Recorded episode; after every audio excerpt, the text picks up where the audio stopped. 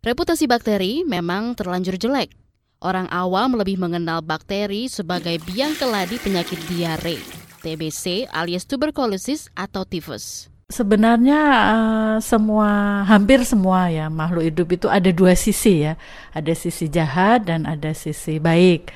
Nah, begitu juga dengan mikroorganisme. Itu juga ada yang jahat, ada yang uh, baik. Dr. Puspitalis Dianti, peneliti mikrobiologi dari Lembaga Ilmu Pengetahuan Indonesia atau LIPI. Ayo kita berkenalan dengan bakteri baik dan berguna bagi manusia. Anda sedang mendengarkan Sains Sekitar Kita. Sains Sekitar Kita. Produksi KBR dan The Conversation Indonesia.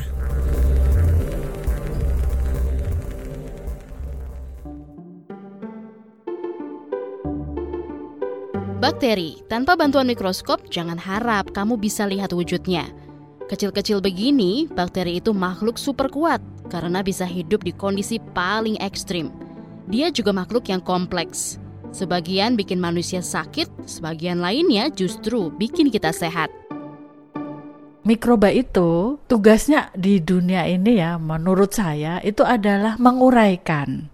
Nah di tubuh manusia dia juga menguraikan misalnya kulit ya dimakannya dia gitu kan juga uh, lendir-lendir dimakan makanya itu menjadi penyakit diuraikan apa menjadi lebih sederhana menjadi bentuk ya gula yang lebih sederhana uh, dan bisa dimakan oleh mikroba yang lain.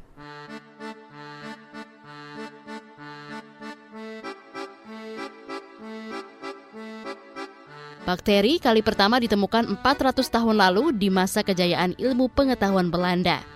Syahdan, ada seorang saudagar kain yang tergila-gila pada mikroskop namanya Antoine van Leeuwenhoek. Waktu meneliti air dari sebuah kolam, Antoine melihat ada makhluk hidup sangat kecil bergerak-gerak. Itulah dia bakteri pertama kita. Di tanah air, bakteri diteliti pertama kalinya di kebun raya Bogor pada abad ke-19.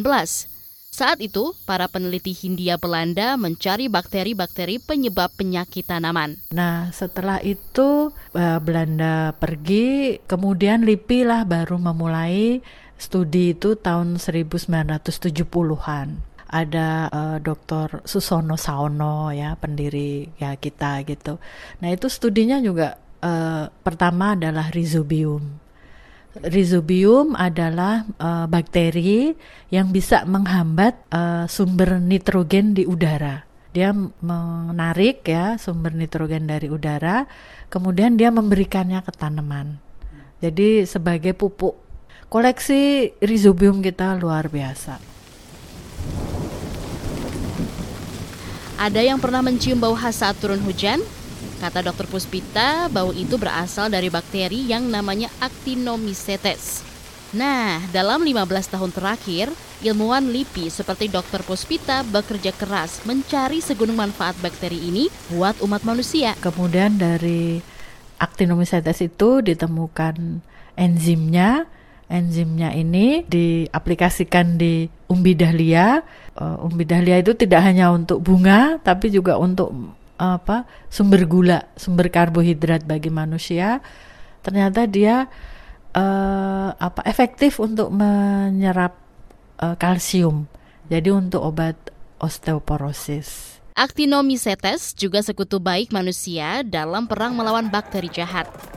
Misalnya, bakteri penyebab penyakit infeksi paru-paru bronkitis dan radang selaput otak meningitis Gara-gara itu, ilmuwan mulai gantikan bahan sintesis dengan bakteri dalam mengembangkan obat. Soalnya, sifat mereka yang beragam, kompleks, dan sangat stabil. Dari koleksi itu ya, 10 ribu koleksi Actinomycetes, kita screening apakah dia menghasilkan antibiotik untuk membunuh mikroba patogen seperti uh, Staphylococcus aureus yang menyebabkan infeksi pada tubuh manusia. Uh, patogennya bisa dibunuh oleh antibiotik dari Actinomycetes. Ada lagi bakteri sahabat bapak ibu petani dan industri makanan. Namanya asam laktat dan asetat. Di Eropa, duet bakteri ini dipakai untuk membuat cuka. Di sini bisa dibuat masker dan minuman magnus dari fermentasi kelapa nata de coco. Nyam nyam nyam. Buah coklat kan uh, di dalamnya ada put, uh, biji-biji ya putih gitu kan. Nah itu kita fermentasi dengan ragi, dengan bakteri asam laktat, dengan bakteri asam asetat.